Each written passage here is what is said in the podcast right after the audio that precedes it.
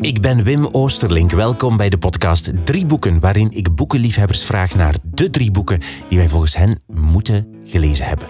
Mijn gast in deze aflevering is Kathleen van Bremt, geboren in 1969, Europees parlementslid voor de partij Vooruit, vroeger SPA.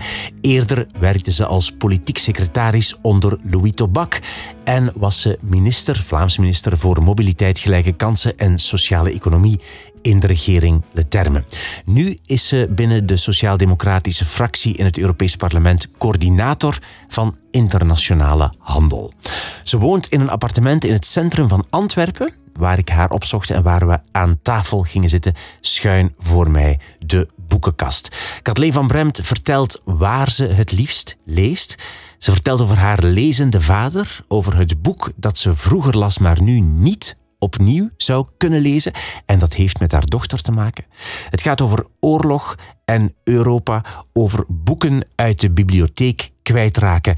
En ze vertelt wat ze gaat doen als ze ooit op pensioen gaat. Spoiler, het is lezen. Alle boeken en auteurs die je hoort in deze aflevering vind je in een lijstje op de website wimoosterlink.be onder het kopje podcast. Drie boeken. De show notes zijn dat bij deze aflevering. En dan nu veel luisterplezier met de drie boeken die je moet gelezen hebben, volgens Kathleen van Bremt. Ja, ik lees heel graag. Um, en ik, uh, en, um, door er nu wat over na te denken, door de vraag voor deze podcast, um, daarnet ook wel wat in mijn boekenkast beginnen kijken. En uh, ik lees ook eigenlijk al sinds jongs af aan eigenlijk. Ik zeg niet 12, 13 jaar, maar ik, 16, 17 ben ik gepassioneerd beginnen lezen, denk ik. Uh, en toch vooral romans. Uh, ik moet voor... Allez, ik moet, ik moet niks, maar uh, werkgewijs lees ik uiteraard ook veel non-fictieboeken. Maar dat zit toch altijd um, op de snijlijn werk-niet-werk, terwijl een roman is altijd niet-werk. En, uh, en, dus als je vraagt wat doe je om te ontspannen, dan is het romans lezen. Um, uh, dus ja, en ik, ik moet het um, uh, doseren. Dat wil zeggen, als ik aan een boek begin en het pakt mij, en de meeste boeken pakken me wel, niet allemaal. Hè. Als ze me niet pakken, dan raak ik er gewoon niet door. Dan, na de eerste 50 bladzijden geef ik het ook gewoon op. Dat, dat laat ik mezelf wel toe. Je durft te stoppen. Ik durf te stoppen, okay. um, absoluut. En dan begin ik soms een jaar later daar wel eens terug aan. Hè, um, uh, omdat uh, ik dat ook wel een defeat vind. Hè. En, uh, ja, dat mag niet. Hè. Je moet, dat heb ik dus ook. Dat, ja, dat, dat vind ik zo moeilijk aan ja, stoppen met een boek. Absoluut. Maar ja, omdat de tijd heel beperkt is, leg ik hem toch opzij. En begin ik eventueel daarna. Maar als een boek mij pakt, dan durf ik alle andere dingen een beetje aan de kant te schuiven. Met name de moment dat mijn vergaderingen gedaan zijn, um, heb ik uiteraard nog veel tijd nodig om mijn notas te lezen. Toch nog kranten, eh, internationale pers. Ik moet daar echt tijd voor maken, anders kan ik mijn werk niet goed doen. En dan krijg ik de neiging om de roman voorrang te geven op het andere. En dat kan ik mij eigenlijk niet permitteren. Dus ik heb wel wel een regel dat ik, um, uh, als, als dat uh, begint door te slaan, dan moet ik hem ook opzij leggen en dan moet ik hem bewaren tot, uh, tot ik echt vakantie heb. Maar als dat begint door te slaan... Wat ja, erg eigenlijk.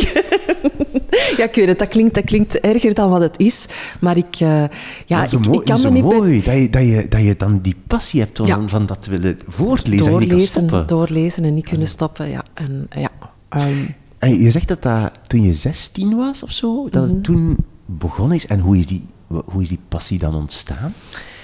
Wel, mijn vader, die, uh, mijn vader leest ook heel veel. En um, uh, mijn vader is, is, heeft, heeft, heeft uh, zijn humaniora nog niet afgemaakt. Hè, dus is uh, verre van een intellectueel. Die is opgeleid als beenhouwer en heeft zijn hele leven aan de haven van Antwerpen gewerkt. Maar, um, maar die leest ontzettend veel en ontzettend um, graag. Zowel romans als non-fictie ook. Hè.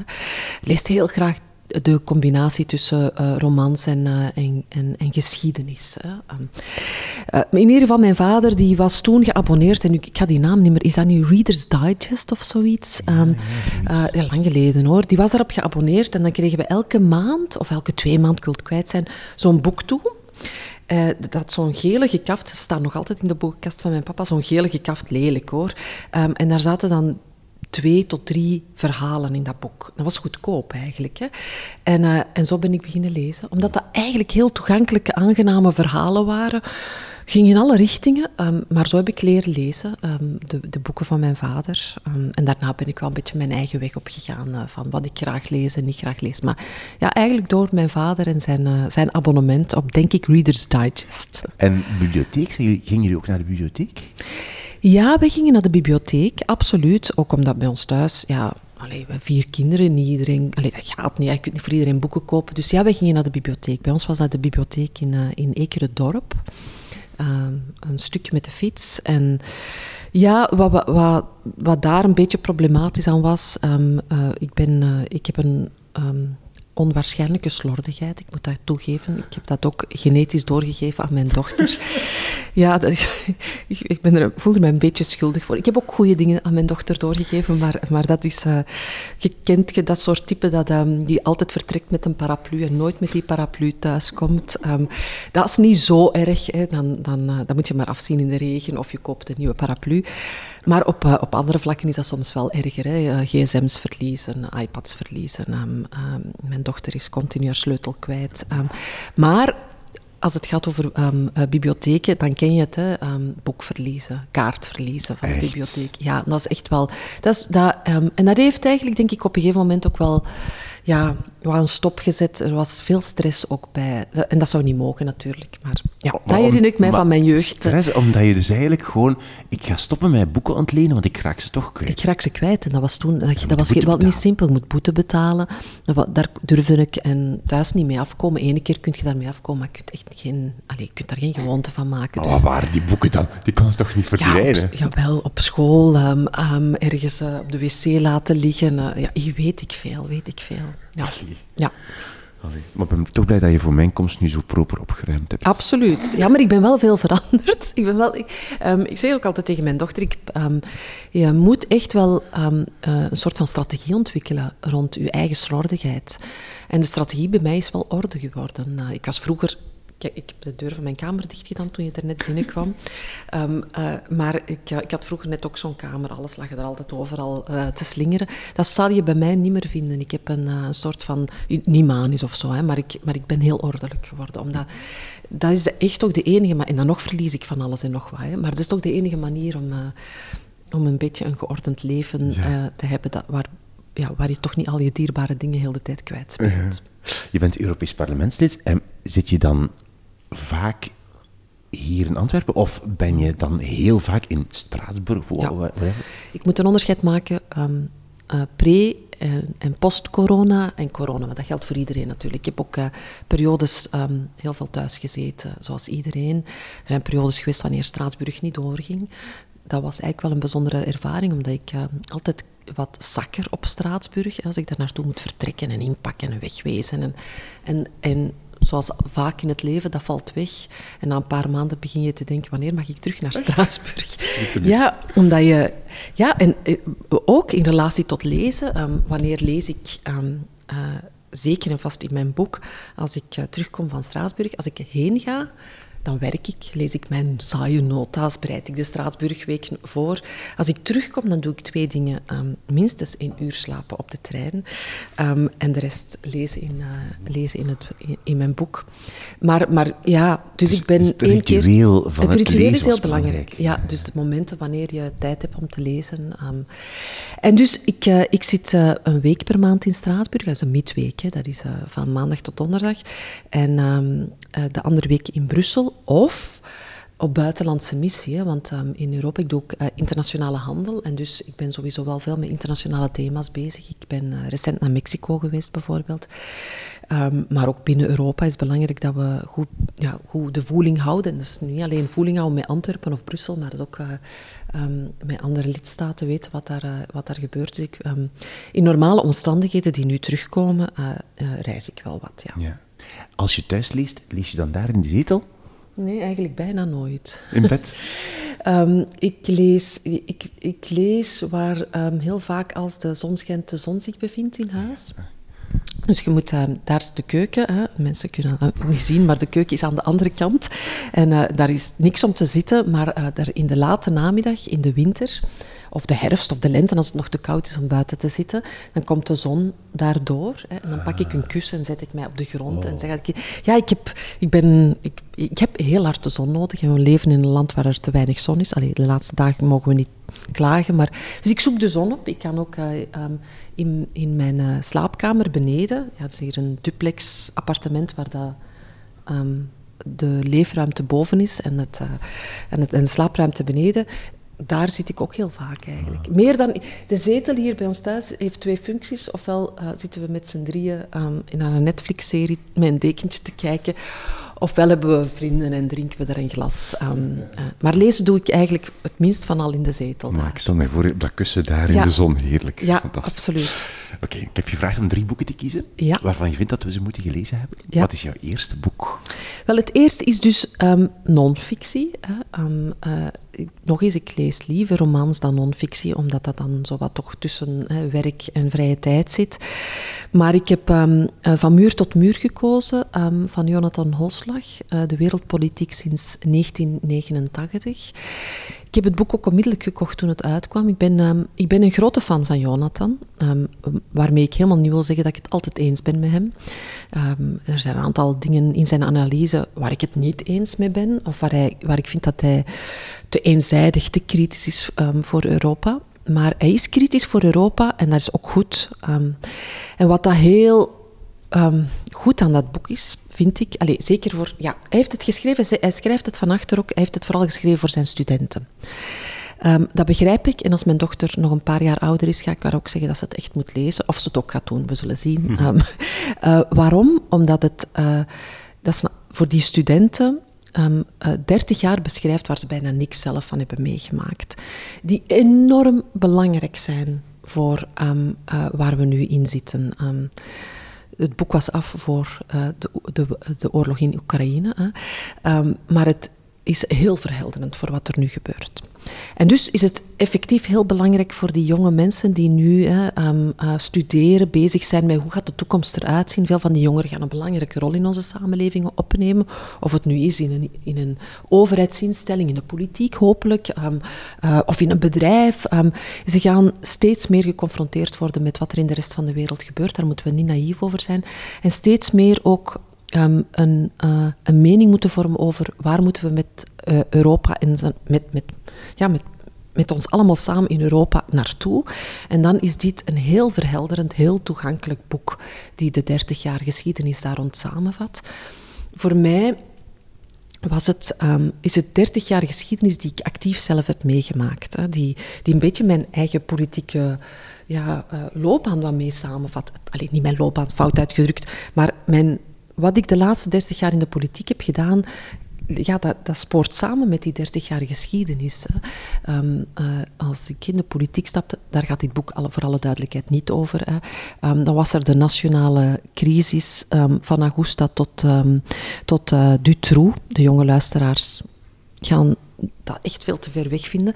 Maar na die crisis zijn we toch gesukkeld in heel veel crisis die internationaal zijn. Uh, denk aan 9-11, de aanslag op uh, de Twin Towers in New York, die een nasleep hebben um, uh, op de aanslagen hier in Brussel en Parijs. Hè, en hoe dat wij vanuit het Westen, meestal de Verenigde Staten, hè, gelukkig heeft de Verenigde Staten, allez, gelukkig heeft Europa een ander pad en piste gekozen, maar we zijn te weinig straf en actief geweest als Europese Unie. We hebben uh, de Verenigde Staten veel te veel laten doen, met alle gevolgen van dien in het Midden-Oosten, maar eigenlijk ook uh, ten aanzien van China en ten aanzien van, uh, van Rusland. En dus voor mij is het een heel goede samenvatting van al de crisissen waar we zijn doorge doorgegaan. En het helpt mij ook wel om na te denken, um, hoe kijken we nu naar onze eigen Europese Unie?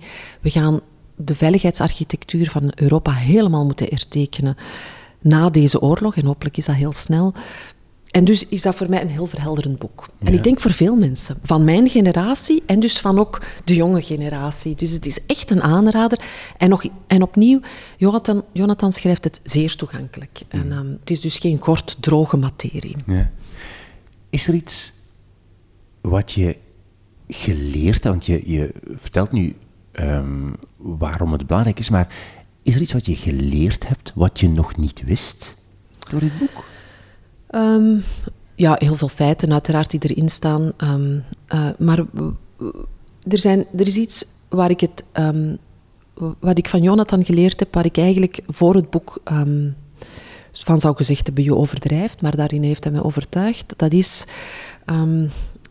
Jonathan kan zeer kritisch zijn ten aanzien van de politici in het midden, waartoe ik behoor. Mm en terecht. Ik denk dat we te weinig uh, moed hebben getoond in die dertig jaar. Uh, dat we te gemakzuchtig zijn geweest. soms vond ik dat hij daar wat in overdreef.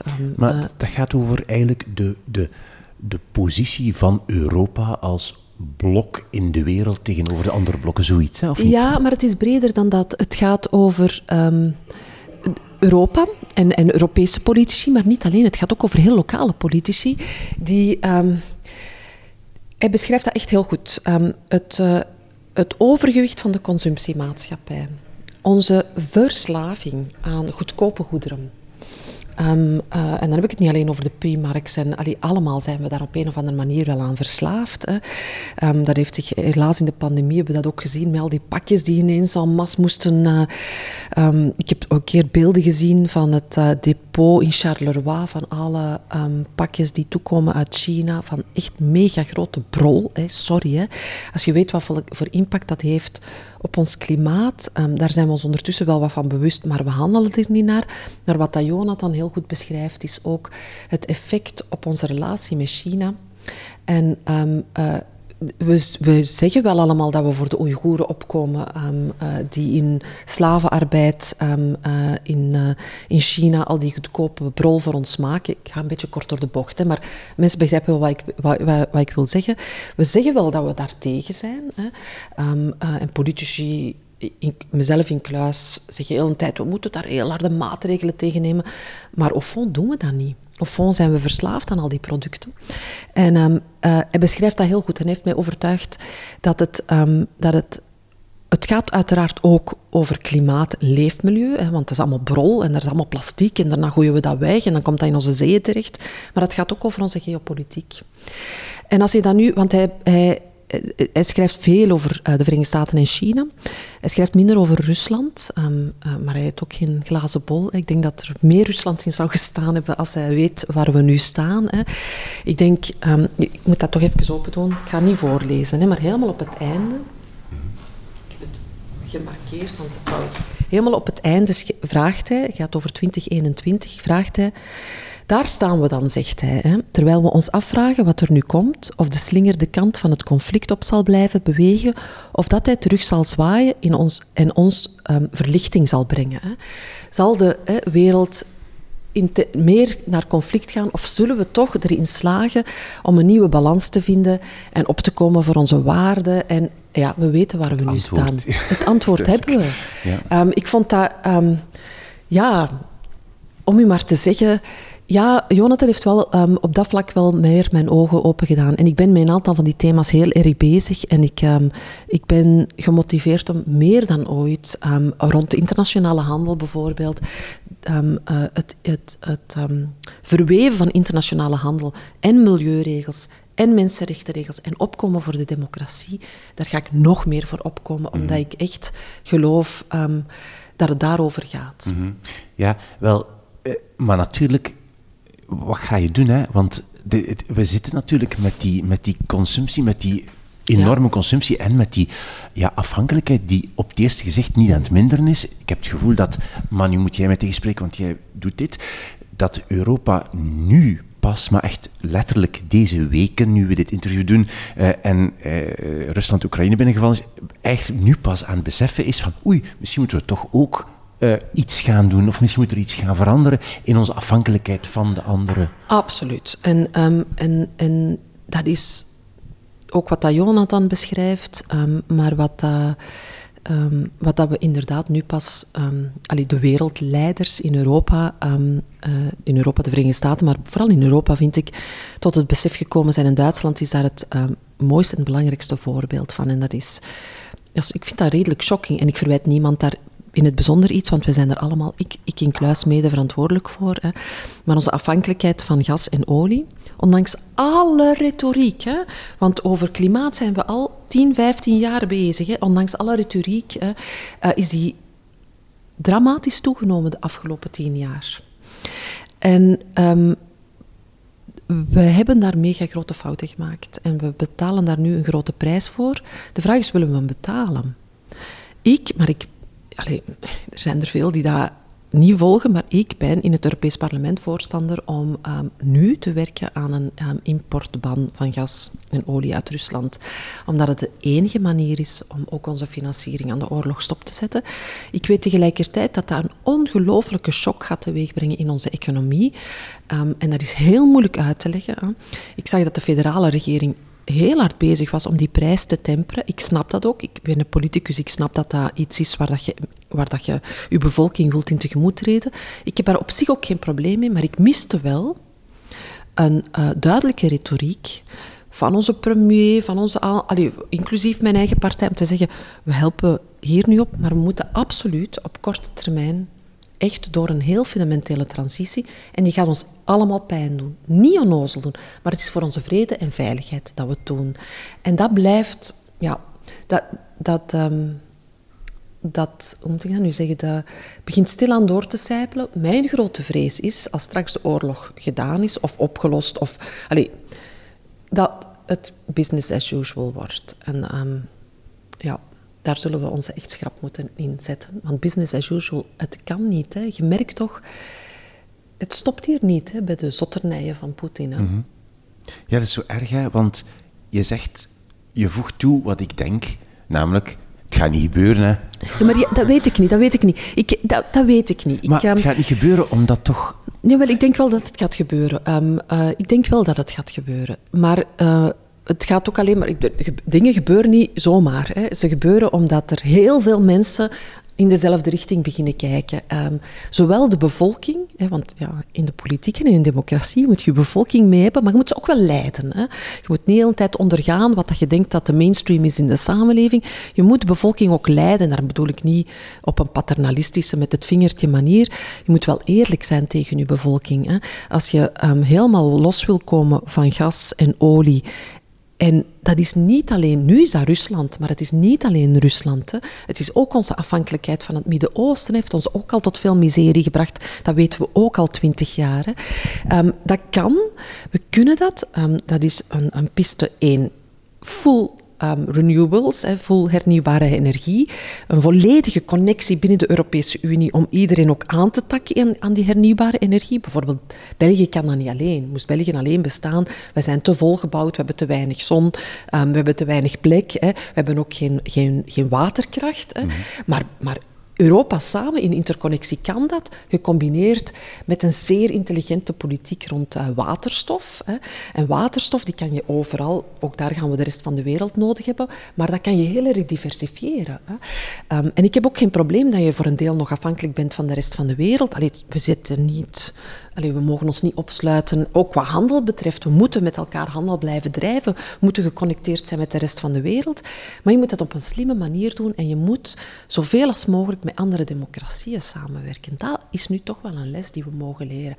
Um, en dus uh, we moeten blijven goed nadenken ook over, over hoe we met China gaan omgaan. -hmm. Je spreekt van Jonathan. Ken je hem persoonlijk? Ik ken Jonathan, alhoewel dat we nog niet de kans hebben gehad om eens een lang gesprek te doen. Ik heb dat eigenlijk al... Um, ik ga dat binnenkort eens doen. Um, eens vragen of hij tijd heeft voor een uur of twee om met mij te praten. Um, om, uh, uh, over de geopolitiek, over de toekomst. maar bijvoorbeeld ook, we zijn het nu alweer even vergeten, maar we hebben twee jaar uh, een pandemie meegemaakt die is nog niet gedaan, maar we zitten wat aan de betere kant. Maar de, de impact van de pandemie, zowel op onze eigen samenleving, maar ook op samenleving in de rest van de wereld, mogen we nu niet doen alsof dat, dat niet gebeurd is. Hè. De sociale ongelijkheid die toegenomen is door de pandemie, het zijn allemaal dingen uh, waar we moeten... Um, waar we aandacht aan moeten besteden. En je wilde hem, u twee met hem praten om hem nog dingen te vragen? Ja, vragen, ja. ja. Ik ga hem dat, ja, ja, absoluut. Zegt dat zo stellig? Ja, ja, absoluut. Ik, ik, uh, ik, uh, ik heb het uh, ik heb ongelooflijk privilege dat ik in het Europees Parlement mag uh, functioneren. Dat is ook het parlement van de toekomst. De, de, met al haar tekortkomingen. Hè. er, zijn nog, er is heel wat werk ook nog aan, het, aan meer democratie brengen in de Europese Unie, maar Europees Parlement is wel het rechtstreeks verkozen orgaan voor de hele Europese Unie. Wij maken daar wetten samen met de Raad um, uh, voor een half miljard mensen. Mm. En wij bepalen samen met Raad en Commissie ook waar we in de toekomst naartoe gaan. Hè. Mm. En ik ben daar een klein radertje in en ik wil daar um, een hele belangrijke positieve bijdrage um, mee inbrengen in dat, als klein radartje. Maar ik zit in een grote politieke groep. Er wordt nu al heel veel gediscussieerd over wat is die veiligheidsarchitectuur van de toekomst, hoe kijken we daarnaar. En um, uh, dan uh, heb ik absoluut uh, de kennis en, en, de kunde nodig van, van mensen zoals Jonathan Holslag en anderen. Ja, oké. Okay. Um, maak je aantekeningen als je zo'n boek leest? Oh. Je had dan iets aangeduid wat je daarnet dan voorlas? Soms, maar eigenlijk Kijk, ik begin aan zo'n boek en ik denk, ja, ik ga aantekeningen maken, want ik ga dat straks nog nodig hebben als ik ergens een lezing moet gaan geven. Of, maar dan, um, dan wordt dat boek ineens werk. Ja. Hey, weet je, de, de, de, het zit op, de, op het scharnierpunt tussen werk en, en ontspanning. Hè, um, en, en dan denk ik, nee, nee, nee, ik ga dat gewoon plezierig lezen. Allee, plezierig, of, oh, want zo plezierig is dat boek nu niet, maar uh, um, ik ga er gewoon ik ga van gewoon van ja. genieten dat ik aan het lezen ben. En als je begint aantekeningen te maken, dan wordt het werk. Dus ik ben, in het begin heb ik een, zie, kijk, in het begin heb ik een paar aantekeningen wat onderstreept ja, en dat is al uh, fades away. dus ik ken mezelf ook. Dus ik, en ik, ja, uh, alleen op het einde heb ik dat teruggedaan omdat, um, omdat jij kwam en omdat ik dat zo frappant vond, die zin op het einde. Ja, over die op het einde. Wat gaan we absoluut. doen? Ja. Gaan we terug naar de verlichting of naar meer conflict? Het is niet zo dat je bij een boek dat je um, dan een, notitieboekje hebt en daar dan dingen apart op schrijft, of dat doe je niet. Nee, want dan, dat doe ik wel met mijn notas. Ja. Uh, of ik een boek, uh, er zijn ook boeken die ik lees echt voor mijn werk. En dan zal ik heel eerlijk zijn, dan lees ik het, uh, het begin, het einde en, en eventueel een hoofdstuk waar ik van denk dat is interessant. Dan lees ik dat nooit helemaal. Daar heb je de tijd en, de, en ook de zin niet voor. Ja, ja. werkboeken. Werkboeken, ja. Maar dit was dus, oh dus op het scharnier tussen mijn werk en mijn... Ja. We gaan direct naar twee andere. Maar nog eens vragen, wie heeft jou politiek uh, bepaald? Je hebt al gesproken over jouw vader, um, die in de haven van Antwerpen gewerkt heeft. Wie heeft jou ja, ideologisch politiek in deze richting? Waar komt dat vandaan? Weet je dat? Mm, oei, dat is een moeilijke vraag. Ik heb, um, ik heb als jong, jong politica, uh, toen ik in, de, in ja, mijn eerste stap in de politiek zette, eerst achter de schermen en dan daarna naar het parlement, heb ik um, heel veel geleerd van Louis Tobak. Uh, Louis was een beetje mijn politieke vader. Hè. Die, uh, die, was voorzitter toen ik voor de partij kwam werken. En ik, heb, ik heb eigenlijk een paar jaar heel nauw met hem samengewerkt, achter de schermen dan. En ik heb van, van Louis was ja, de, toch een heel bijzondere politicus hoor. De, um, in die tijd werd hij ook wel al eens versleten als een beetje een populist. Hè. Hij kon goed one-liners debiteren. Hè. En, en, en Louis kon um, heel goed capteren wat er in de samenleving leefde. En hij was inderdaad niet wars van soms is een populistische uitspraak. Hè. Maar achter dat zat een ongelooflijk belezen man die ook heel veel met internationale politiek bezig was. Hij communiceerde daar zelf niet vaak over, want hij was burgemeester van Leuven en partijvoorzitter en hij moest ook heel veel shit in de partij opruimen. Um, maar uh, um, uh, Louis, die, die, was wel heel uh, belezen. Ik herinner mij dat hij, ik was toen een echt jong meisje, een keer een boek in mijn hand had gestoken van Hulbeck. Ja, toen was die nog niet zo... Um, toen was hij wel al wat... Um, die, die, die schreef al wel confronterend en zo, maar... Weet je nog welk boek het was? Ik weet het nee. niet meer. Ik weet het echt niet meer. Ik, en ik heb het ook... Ik zal het teruggegeven hebben. Um, je bent kwijtgeraakt, denk ik. Ja, het zou ook kunnen. Ik weet het eigenlijk niet. Ik zou het eens aan, aan Louis moeten vragen, maar ik durf eigenlijk niet zo goed.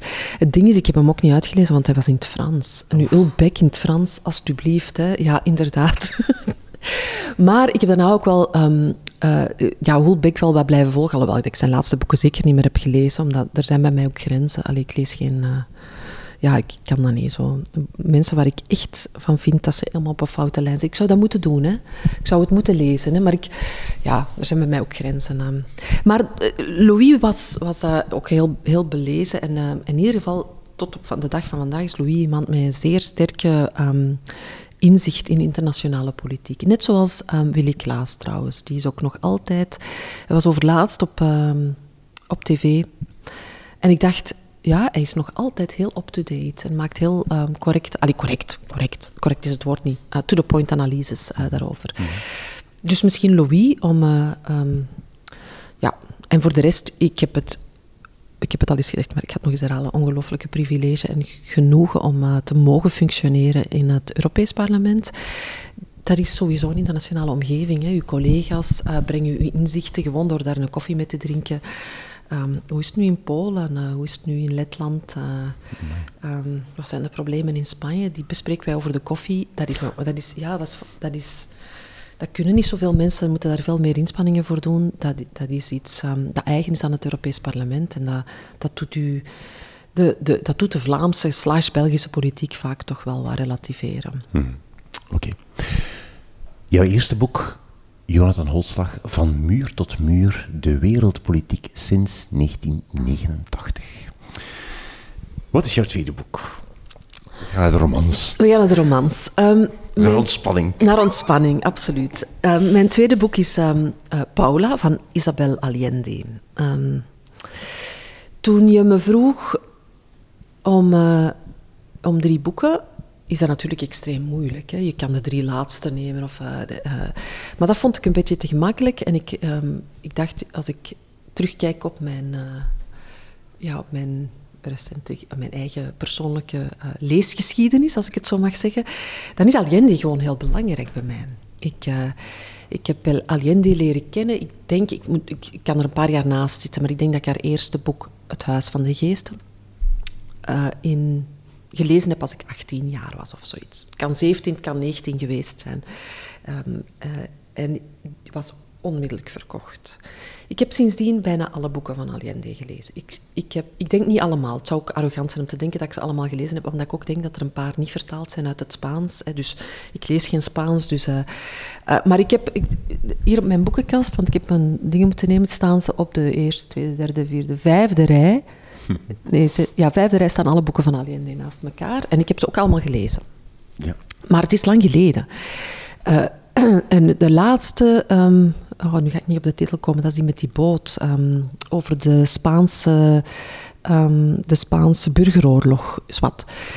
Dus ik, ik ga ook haar nieuw boek, uh, Violetta denk ik, is het, kopen.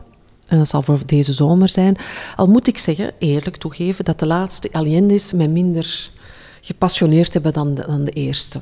En, en hoe komt die, waarom was je er zo van, van weg, van dat eerste, van het Huis van de Geesten? Hoe, wat, wat, wat, wat gebeurde er? Wat er gebeurde is, uh, wat er heel vaak bij mij gebeurt, de, dat boek pakt mij, laat me niet meer los en ik leer dat in een ruk uit. En, uh, en alleen haar stijl ligt mij enorm. Dus ja, iets moet u liggen of niet. Alleen de, dat, ik lees dat gewoon heel graag. Een, uh, een, een, vlotte schrijfster. En zij, zij verbindt altijd... De, soms, de ene roman is meer een, een, een echt verzonnen verhaal. Het andere roman is heel dicht bij de realiteit. Maar altijd komt er een stuk geschiedenis in voor dat heel erg gelinkt is aan het... Um, um, uh, aan Zuid-Amerika, Zuid-Midden-Amerika, een stukje um, de link met de Verenigde Staten en de link met, uh, met Europa, in bijzonder dan Spanje. Um, mm -hmm. En dus die, dat, dat vind ik heel boeiend, omdat dat is eigenlijk een kant die ik minder ken. Ik, ben, ik ken minder van Zuid-Amerika dan van andere delen van de wereld. En het heeft te maken met haar schrijfstijl. En, en, maar, ik, maar Allende is gewoon, uh, als ik het meest van één schrijfster of schrijver het meest heb gelezen, dan is het van Isabella Allende. Punt. Mm -hmm. voilà. En waarom kies je dan Paula? Omdat dat ongetwijfeld het boek is waar ik het meeste bij gehuild heb. Ja, dat is een, dat is een, een vreselijk huilboek. Hè. En in vreselijk bedoel ik... Um, ja, klinkt een beetje. ja, het is een... Het is een um, en we moeten nu weten, ik heb dat boek gelezen nog voor ik zelf moeder ben geworden. En ik denk niet dat ik het nog kan lezen nu ik zelf moeder ben. Ja, want het gaat over haar... Het gaat over haar dochter, die um, uh, een, een, ziekte had die gestorven is. En het is geschreven aan het, uh, aan het ziekenbed waar haar dochter in coma ligt. En dan vertelt uh, Isabel haar levensverhaal uh, aan haar dochter. Opnieuw ook weer doorspekt door heel veel ja, tragische events, ehm, met name in Chili. En ja, zwart, maar dat, ja, het is echt een boek waar ik... Uh, ik herinner mij dat ik het gelezen heb in de zomer. Ehm, en dat is altijd handig, dan kan je... En dan zit je vaak in de zon, dat is goed. Ik lees graag in de zon. Maar dan kan je ook een zonnebril opzetten. Want, Oei. Ja, ja. Ik heb er heel veel bij gehuild. Ja. En, en daarom is het mij ook heel hard bijgebleven. Van al haar boeken um, is het mij het meeste bijgebleven, Ja. omdat het mij zo gepakt heeft. En dus ooit lees ik het terug. Dat is trouwens iets wat ik zeker moet meegeven als het over mijn leescultuur gaat. Ik lees graag boeken meerdere keren. Nu heb je daar minder tijd voor, vandaar mijn grote boekenkast, waar de boeken altijd wel wat opschuiven. Maar als ik op pensioen ga, dan begin ik opnieuw. begin Ja. ik opnieuw. Absoluut. Ik ga ook wel eens op pensioen. Dat soort plannen, ja, als ik op pensioen ga. Ja, Je zegt, ik zou het niet opnieuw kunnen lezen. niet nu, nee. Waarom niet nu? Omdat, ik, ik denk dat veel moeders dat zullen beamen. Ik had over laatst nog een, eh, nog een gesprek bij, met iemand, op, eh, ehm, een toevallig gesprek, die eh, ehm, een jonge mama, die net moeder was geworden, die eigenlijk niet, de, tv niet kan opzetten ehm, eh, over de oorlog in Oekraïne, omdat je heel veel beelden ziet van kinderen. Eh, en ik herinner me, ik, nu gaat het al beter, hè, ehm, maar ik herinner me als ik net moeder was geworden, dat dat, het leed van kinderen is op een of andere manier iets dat u niet meer waar je het heel moeilijk mee hebt. Hè. En uiteraard, dat is emotioneel, als je net moeder geworden bent, nog veel sterker dan eh, nu. Maar ehm, er is, het klinkt een beetje heel, ehm, heel melig, maar het is gewoon wat het is. Eh, er is maar één ding waar ik echt schrik in, eh, in, ehm, in het leven over heb. Echt maar één ding. Al de rest denk ik al manage. Maar dat is er ooit iets met mijn dochter gebeurd.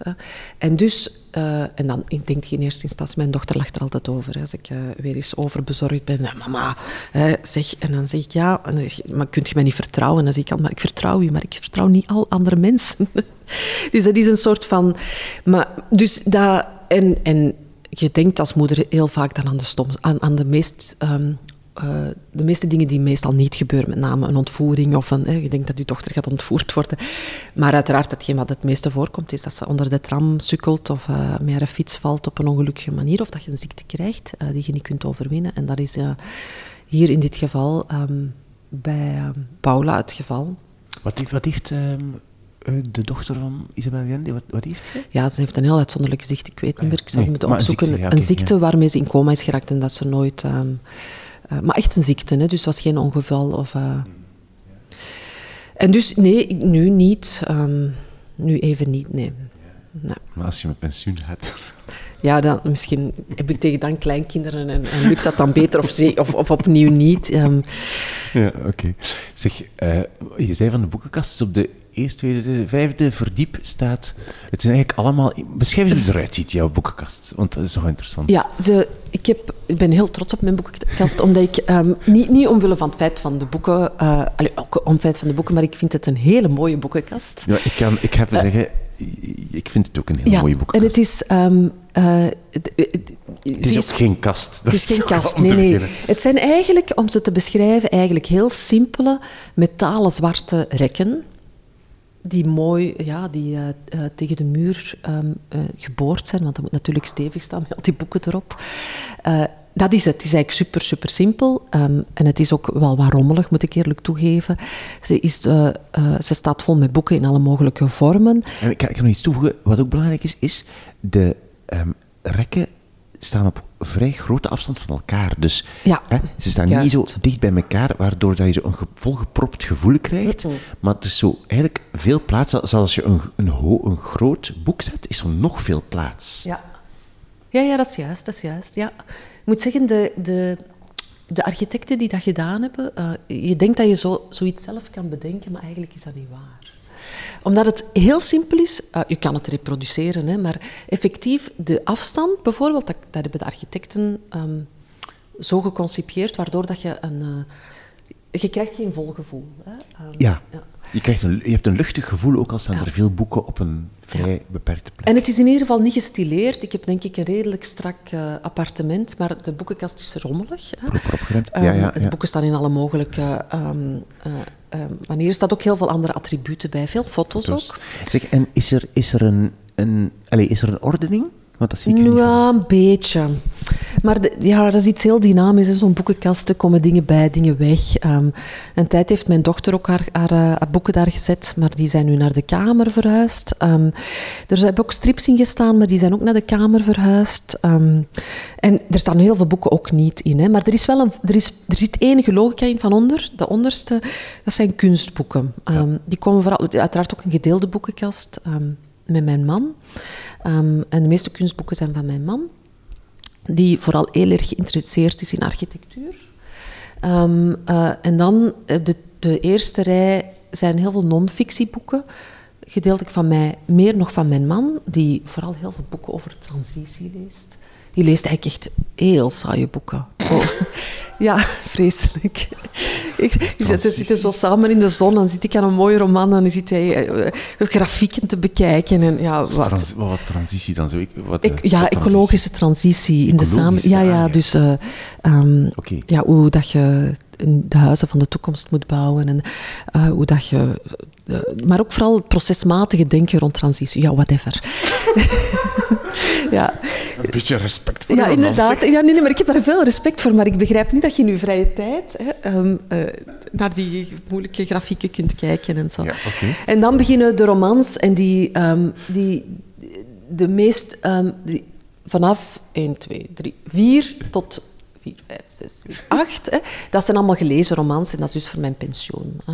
om- het meest dynamische gebeurt op 1, 2 en 3, Ja. waar dat er boeken Ja. bij komen, boeken weggaan. En ik, ik, oei, ik eh, leen ook veel boeken uit, ehm, omdat ik dat ook wel vind. Dat moet levendig zijn. Dat mag- een boek mag bij mij ook vuil, vuil en vies Ja, ja, zijn. ja, En, en. Alleen niet te vies, maar, maar er mag van alles aan plakken en zo. Ik vind dat een boek mag wel gelezen zijn. Zeg- en dus ik geef ook veel, allee, ik deel ook veel uit. En dat, dat, ik ben er ook niet... ehm, hoe zal ik het zeggen? Je hebt mensen, en ik snap dat ook, die er heel... ehm, hoe moet je dat zeggen? Heel eh, secuur over zijn. Boeken krijg ik dan snel terug en zo. Bij mij zijn er ook gewoon boeken weg. Die bij vrienden zitten of bij mijn zussen zitten. En omgekeerd. Er zitten hier ook boeken die niet van mij zijn. Mhm. Ja. Voilà. Ja. Zeg, als je helemaal op de bovenste, bovenste rek iets moet pakken, nu of als je gepensioneerd bent, Mhm. hoe ga je dat dan doen? Want We hebben een ladder natuurlijk. wel ander is er niet. Nee, nee die, die ladder staat beneden. In een, ja, dat is natuurlijk het nadeel van een appartement, is dat je niet zo heel veel plek hebt. Hè. Ehm, is ook goed, want dan moet je niet te veel op, opruimen en eh, kuisen. En dat is ook ecologisch erg verantwoord. Dit geheel terzijde. Maar we hebben beneden in de berging zo'n ladder die zo in drie stukken omhoog gaat. En als je die helemaal uitzet, maar we moeten dat wel met twee doen, want iemand moet wel de ladder ook goed, goed tegenhouden. Kunt je eraan? Ja, het is dus niet zo een ladder die vast aan de boekenkast... Nee, eh, ja. dat vind ik ook niet mooi. Maar... vind ik wel een nadeel dat dat zo helemaal... Ja, ik wil niet mijn Ja, het is ook maar- zo. De bovenste boeken, ehm daar zal ook veel stof op liggen, vrees ik. Ja. Ja, oké, goed. We komen van jouw eh, tweede boek van Isabel Allende, Eh, Paula. Wat is jouw derde boek? Mijn derde boek zal misschien voor de luisteraars het meest gekende boek zijn. Het is ook een heel bekend boek. En ongetwijfeld al veel van uw... eh, ehm, hoe moet ik dat zeggen? Van de mensen die in uw podcast figureren, dit boek gekozen. Het is Wil van Jeroen Olieslagers. Ehm, en dit is nu echt het boek dat ik door de oorlog eh, in Oekraïne ehm, gekozen heb. Ja, dat klinkt nu heel raar, maar eh, ik bedoel dat heel positief. Het is niet gemakkelijk om drie boeken te kiezen. En ik, eh, ik ben trouwens op dit moment in andere boeken bezig. Ik heb dit eh, een tweetal jaar geleden gelezen. Dus het is niet dat het recent is. Ehm, ik vind Jeroen Olieslager ook niet de gemakkelijkste schrijver. Ehm, zijn tweede boek. Nee, hij heeft nog meer boeken gezet. Het tweede boek dat in de kast ligt, is een van die boeken die ik dicht gedaan heb. Dat is Wilde Vrouw.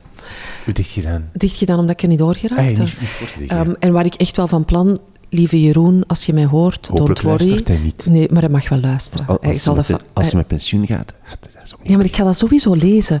Maar het ging niet op dat moment. Het kan ook te maken hebben met, de, ja, met mijn eigen gemoedstoestand. En, en, eh, eh, maar ik ga het zeker lezen. Misschien deze zomer al, Jeroen, dus maak u geen zorgen.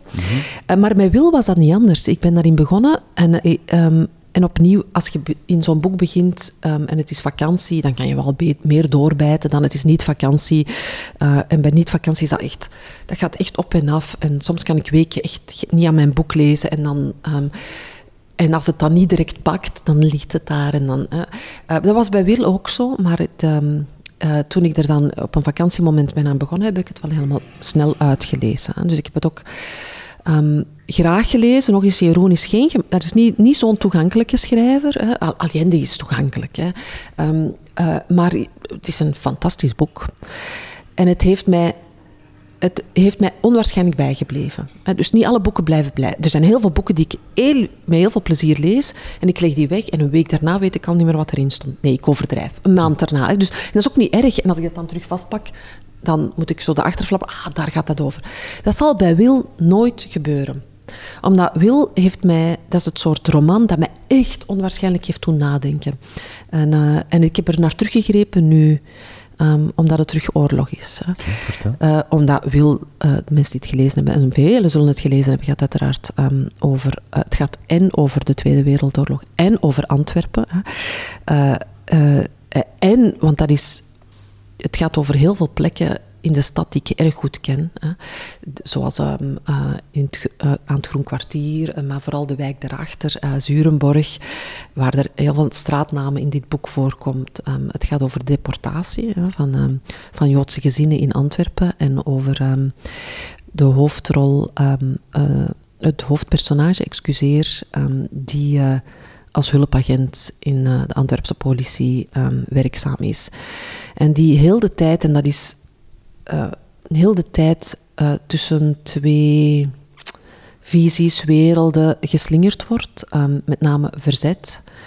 En in het verzet dus ja, moed, hè, um, maar ook ja, ja, moed tot, tot op het moment dat je echt jezelf in gevaar brengt en, en anderen van je omgeving. En, en, en collaboratie. Um, we weten allemaal dat de Antwerpse politie toch aan, de collaborerende kant zat. Um, uh, en en hij, hij, fungeert tussen die twee. En het boek is uh, geschreven vanuit het perspectief dat hij vertelt aan zijn kleinzoon, denk ik. Um, maar wat dat mij heel hard is bijgebleven, is de reflectie op uzelf. Hè. Met name, wij leven nog steeds, zelfs met de Oekraïnse oorlog in het achterhoofd, um, in een grote luxe samenleving. En, en wij moeten veel beslissingen nemen, maar nooit, nooit zo fundamenteel um, dan wat je moet doen tijdens een oorlog. Vlucht ik of vlucht ik niet? Wie neem ik mee? Wie kan ik meenemen? Um, collaboreer ik om mijn gezin veilig te stellen uh, of om zelf aan eten te geraken? Ik las er net nog een artikel over uh, wat er in Mariupol gebeurt. Op een gegeven moment de eenheid onder de Oekraïners toch gebroken is geweest bij plunderingen van winkels. De, dan, dan, dan, denk ik terug aan Wil. Hè? Want ben je in staat om altijd het goede te doen? Uh, ben je in staat om altijd aan de moedige kant te staan? Ik denk dat niet. Ik denk dat, allez, en dus je stelt jezelf heel de tijd de vraag: wie ben ik op zo'n moment? Als de oorlog net uitbrak, um, nu drie weken geleden, ja, zou, ik, zou ik vluchten? Of, of zou, ik, zou ik blijven en de wapens opnemen? Want allee, vrouwen, ik denk niet dat ik wapens zou opnemen, maar je kan heel veel dingen doen in, in, uh, in de logistiek. In, ik weet het niet. Uh, en daar vind ik dat boek zo magistraal in, omdat het, uh, omdat het ook een ongelooflijke spiegel voorhangt voor ja. één ieder van ons. En schrik je dan van jezelf als je moet toegeven, ik weet het niet? Zeker en vast. Zeker ja. en vast. Ik vind dat ook ik vind dat zeer confronterend, ja. Ik, ik, ja, absoluut. En het, het geeft aan dat mensen tot onwaarschijnlijke dingen, zowel positief, positief als negatief, in staat zijn in extreme omstandigheden zoals oorlog. En het zet, het zet aan tot nadenken. En ik hoop, allee, ik hoop dat veel mensen daar ook op die manier wel wat over nadenken zonder te oordelen. Hè. Net zoals dat je niet over de Russen moet oordelen. Hè. Um, dat baart mij ook wel wat zorgen. Uh, dit is de agressie van Poetin. Het is niet de agressie van de Russen. Hè. Uh, mensen denken heel vaak heel zwart-wit. Wel, ja, probeer toch maar wat meer in nuance te denken. En mildheid over uh, keuzes die mensen maken, ook in die meest extreme omstandigheden. En dat heb ik wel geleerd van Jeroen in, het, uh, in zijn boek. Ja, dat wordt ook, het wordt inderdaad, tot nu toe werd het boek heel vaak genoemd, maar altijd in het kader van de Tweede Wereldoorlog, ja. uiteraard. En de collaboratie mm -hmm. toen bij mm -hmm. ons hier. Hè, dat, um, het is wel nieuw dat iemand het noemt in de huidige context. Ja, ja. ja, ja het was echt voor mij een. Uh, ja, toen ik de keuze moest maken en de oorlog was uitgebroken in, Oekraïne, was het eigenlijk voor mij een heel evidente keuze om voor Wil te gaan. Ja, ja. Um, als je dat boek uit hebt, ehm, wat doe je dan? Ga je dan zo, moet je daar even van bekomen? Of uh, moet, denk je daar dan over na een tijd? Of leg je gewoon opzij, begint, ga, ga je voort met iets anders? Hoe, hoe, hoe gaat dat? Wel, dat is heel verschillend van boek tot boek. Hè. Um, uh, bij Wil heb ik toen dat het zit nog in mijn systeem. Um, uh, en door er nu over te praten komen heel veel, veel uh, uh, stukken terug uit het boek, bijna, bijna letterlijk. Dus het, ja, Wil is een boek dat, dat is onder mijn huid gekropen. Ja. En dan moet ik daar wel over nadenken. En dan denk je, allee, dat vind ik ook het fijne. Maar er zijn... Ik, ja, er zijn ook, ik lees ook wel graag een heel goede detectieve, maar het moet wel een goede zijn, niet de klassiekers. Ik ben, um, ben geen fan van zo'n klassieke detectieve verhalen, uh, maar een goede detectieve, die leg je weg en die zijn dan wel ook echt ja, weg. Ja, dus dat, ja. Ga, ga je met mensen praten daarover? Ga je dan echt zo met collega's of zo, of met familie praten over zo'n boek? Uh, mijn vader en met mijn zus praat ik wel vaak over boeken. Ja, ja. Omdat, dat, omdat wij allemaal lezers zijn. En uh, wij ook veel boeken uitwisselen onder ah, elkaar. En heb je dat bij dit boek gedaan? Ja, absoluut. Bij, uh, bij Wil heb ik dat zeker gedaan. Isabella Allende, daar ben ik zo aan uh, um, een, een, een buitenbeentje in de familie. Ik ben de enige die echt Isabella Allende leest, denk ik. Maar bij Wil, ja, zeker. Um, bij veel boeken. Mijn zus heeft mij over laatst nog een boek gegeven um, van een Japanse schrijver. En daar kijk ik wel naar uit, want ik heb nog nooit een Japanse schrijver gelezen. Dus die... Uh, ja, mijn zus die zoekt dan weer wat andere woorden op. Ja, en, ja. ja. en als je dat bespreek, bespreek je dan wil met je vader bijvoorbeeld? Of zo? Wat zegt hij dan? Ja, omdat ja, mijn vader is natuurlijk nog iemand die de Tweede Wereldoorlog heeft meegemaakt. Hè. Die was denk ik uh, heel jong, tien of zo, of, of uh, elf of zo, toen die Antwerpen ontvlucht is bij uh, het, het eindoffensief en de bommen op Antwerpen. En maar zelf, ja, zelf leest hij ook heel veel over, uh, over, uh, over de Tweede Wereldoorlog. Maar op zich is, dat, is het gemakkelijker om met mijn vader te praten over, uh, ik zeg maar iets, het boek Congo dat hij gelezen heeft van... Um, ja, van David van Rijbroek. Van David van Rijbroek. Dan over de Tweede Wereldoorlog. Misschien is dat toch iets dat um, nog te veel op zijn huid zit. Op een andere, ja, ja. Ja. ja. ja. Ik, ik weet het eigenlijk niet, ik denk het. Ja. Ja, niet zo raar, hè? Nee, misschien niet zo raar. En uh, ik, ja, ik weet ook niet hoe dat mijn grootvader bijvoorbeeld uh, in die Tweede Wereldoorlog heeft gestaan en zo. Mm -hmm. Ja, het is niet altijd gemakkelijk om daarover te praten. Nee, oké, okay, goed. Jouw derde boek Wil van uh, Jeroen Olieslagers. Wat ben je nu aan het lezen? Ja, ik ben een paar boeken ja, aan het lezen. Ben een, ik moet ze even... Wacht, mag ik ze even ja, pakken? Ja, tuurlijk, tuurlijk. Want ik uh, ben nog eerst... Ga nu naar de, in de boekenkast kijken. Oei, dat is een dikke. Dat ziet eruit als uh, Max, Misha en het Tet-offensief. maar ik, ik weet niet zeker. Dus eigenlijk... Ja. Dat is uh, een Japanse schrijver, uh, voordat de koffie koud wordt. Kawajushi. Die, het, eigenlijk is het zo, ik heb dat boek aan mijn zuster gegeven, uh, voor haar verjaardag. Ik heb dat um, eigenlijk at random gekocht in het Stad Leest in Antwerpen. Um, en mijn medewerker Bram, uh, die kwam daar ook mee af. En dus dat is mijn volgende boek dat ik ga lezen. Oké, okay, dus uh, Toshikazu Kawaguchi. Kawaguchi. Het schijnt, en ik hou er alleen maar goede dingen van. Ja, denk Waar dat het over gaat. uh, het genoemd heeft in deze podcast. Ish uit Hamu heeft denk ik dit boek eens genoemd. Ah Zwart. ja, oké. En dan ben ik um, uh, het Ja, TED-offensief van Jon Ja. uh, Harstad aan het lezen. Mhm. En naar het paradijs van Hanya Yanagihara. Van ja, de, de schrijfster van Een Klein Leven. Ja. Zeer veel besproken in deze podcast. Een klein leven. Ja. Heel veel besproken. Dat zal Heel wel- extreem. Ja, dat zal wel. Ik heb dat niet gekozen, omdat, ondanks het feit dat dat, dat, dat ook een ongelooflijk blijd boek is. Dus ik heb daar ook heel veel bij geweend. En daarom dat dat mij ook heel hard is bijgebleven. En mijn dochter begint daar nu over te praten. Die zou, die zou. Er is een film van gemaakt, denk ik. Hè?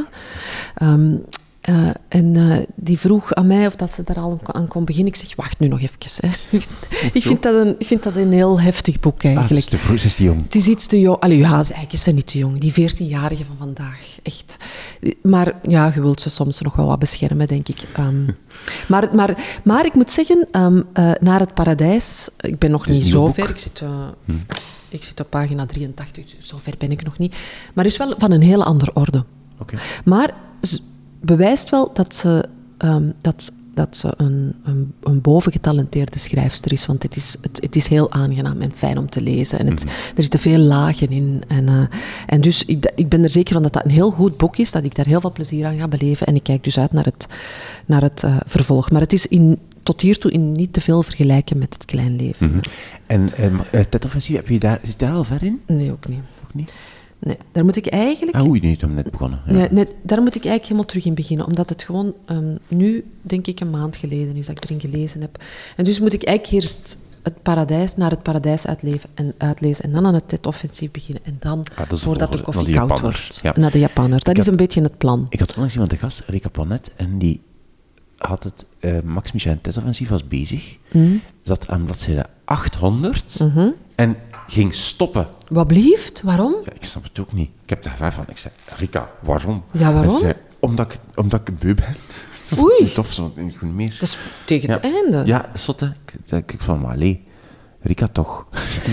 ja, ik moet eerlijk zeggen, um, opnieuw bij Naar het Paradijs van Hania, je begint en je weet dat dat een goed boek is. Ja. Bij het offensief weet ik het eigenlijk nog niet. Ah. Het, het is heel langdradig, hè? Ja, wel, ik weet het niet. Ja, het is langdradig. En, en ik heb geen probleem met langdradige boeken, maar ik mis nog wat diepgang, maar dat zal misschien nog wel komen. Maar ik zit effectief nog maar aan bladzijde. Ja, volgens Rika Ponet komt het dus 52. niet. Ja, het komt niet. Je, als je tot 800 moet gaan... Ja, nee, ja. ja, maar dat weet ik dus niet. Dan, ga ik, ja. dan ben ik mee komen voor een jaar terug dan en dan vraag ik hoe het was. Ja, maar het zou kunnen dat je mij nu gedemotiveerd hebt om het te doen. Omdat... Nee, ik wil niet demotiveren. Sorry. Nee, maar er zijn zoveel boeken. Ik, wat ik, allez, je mocht niet je mocht niet je tijd verdoen aan iets wat je niet eerder graag leest, vind nee, ik. Want het leven is te kort. Ja, maar goed, maar negeer alles wat ik gezegd heb. Okay, ik heb okay. Maar ik ga sowieso opnieuw beginnen en dan zien we wel hoe ver we geraken. Dat spreken we zo af. Misschien is het iets echt voor de grote vakantie. Of voor je pensioen, hè. Het kan ook verhuizen naar schap 7. dan is het voor mijn pensioen. Het woord pensioen iets te veel uitgesproken in mijn goesting. Echt? Ja. Uh, zullen we... Ja, wil je drie boeken nog eens herhalen, alsjeblieft? Ja. Wat was jouw eerste boek? Mijn eerste boek is uh, uh, non-fictie, um, Van muur tot muur, de wereldpolitiek sinds 1989, van Jonathan Holslag. Ja, twee? En twee is um, Paula, boek van Isabel Allende. En drie? En het laatste boek um, is um, Wil van Jeroen Olieslagers. Dankjewel voor jouw drie boeken en veel succes. Dankjewel. Dit was mijn gesprek met Kathleen van Bremt. Volg drie boeken op Instagram, drie underscore boeken, drie in letters geschreven, voor extra boekenfoto's. De foto van de boekenkast in het appartement van Kathleen van Bremt vind je op de website wimoosterlink.be bij de show notes van deze aflevering. En mag ik vragen om vandaag of morgen aan twee vriendinnen of vrienden te laten weten dat ze ook eens naar deze aflevering moeten luisteren. Dat het echt iets voor hen is, met goede boekentips en al. En laat ook weten op welk platform, via welke app je luistert. Twee, daar doe je mij een groot plezier mee. Ik ben Wim Oosterlink. Dit is de podcast Drie Boeken. Dankjewel voor het luisteren en voor het delen. En tot de volgende keer.